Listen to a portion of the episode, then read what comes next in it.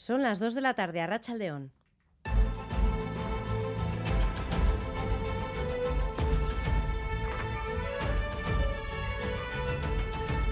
Crónica de Euskadi con Irache Martínez.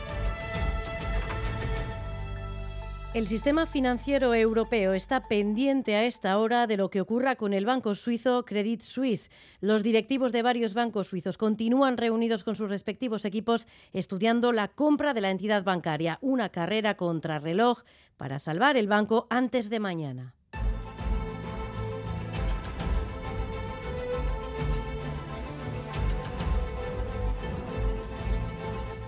Y hoy hemos conocido que la localidad vizcaína de Galdacao también contará con un columbario de la dignidad. Esta instalación será posible gracias al acuerdo entre el Gobierno vasco y el Ayuntamiento. Galdacao se suma así a El Goibar y Orduña. Escuchamos al alcalde de Galdacao, Íñigo Hernando. En ese sentido se enmarca el acuerdo alcanzado entre el Ayuntamiento de Galdacao y el Instituto Gogora del Gobierno vasco.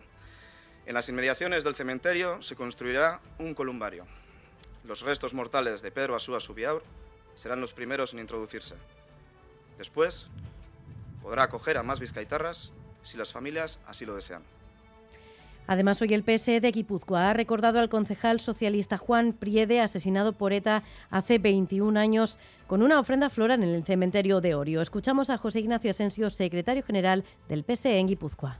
Juan Priede, que fue uno de los imprescindibles en este, en este país, donde dio los pasos en la política en los peores momentos del azote terrorista.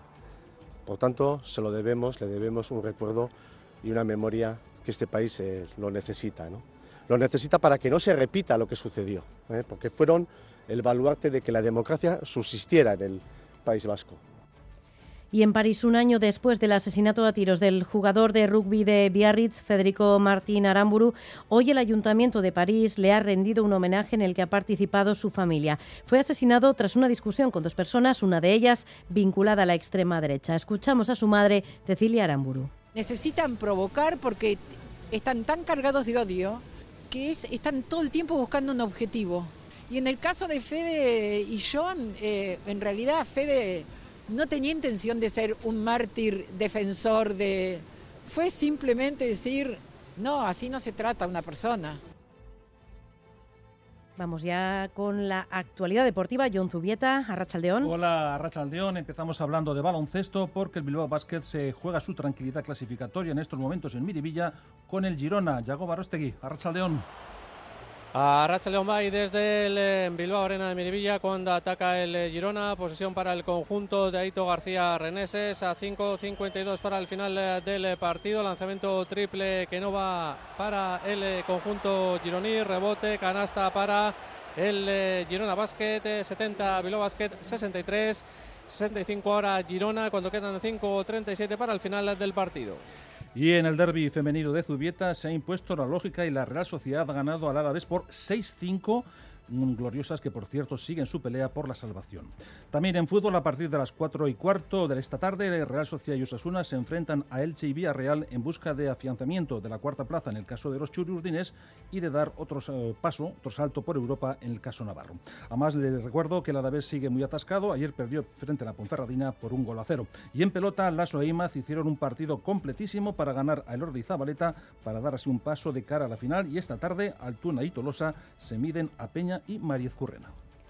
Tenemos a esta hora 15 grados en Bilbao, 14, 14 en Bayona, 13 en Donostia e Iruña y 12 grados en Vitoria-Gasteiz. Vamos ya con el pronóstico del tiempo para las próximas horas. Ya saben que mañana comienza la primavera. Euskalmet, Jaione Munarri, Zarrachaldeón. Caixo Arrachaldeón, a pesar de que todavía se pueden escapar algunos chubascos aislados en la vertiente cantábrica, en general durante las próximas horas remite la lluvia y la nubosidad también va disminuyendo. Así que poco a poco los claros cada vez van a ser más amplios, sobre todo en la mitad del sur, y para la noche el cielo tendrá que quedar bastante limpio. El viento del noroeste también va a ir amainando y los termómetros se moverán moverán entre los 10 y los 15 grados a primeras horas de la tarde. Las mínimas del día se darán al final de la jornada debido a la disminución de la nubosidad y la noche será bastante fría, sobre todo en el interior, sin descartar que se produzca alguna helada aislada en Álava y Navarra.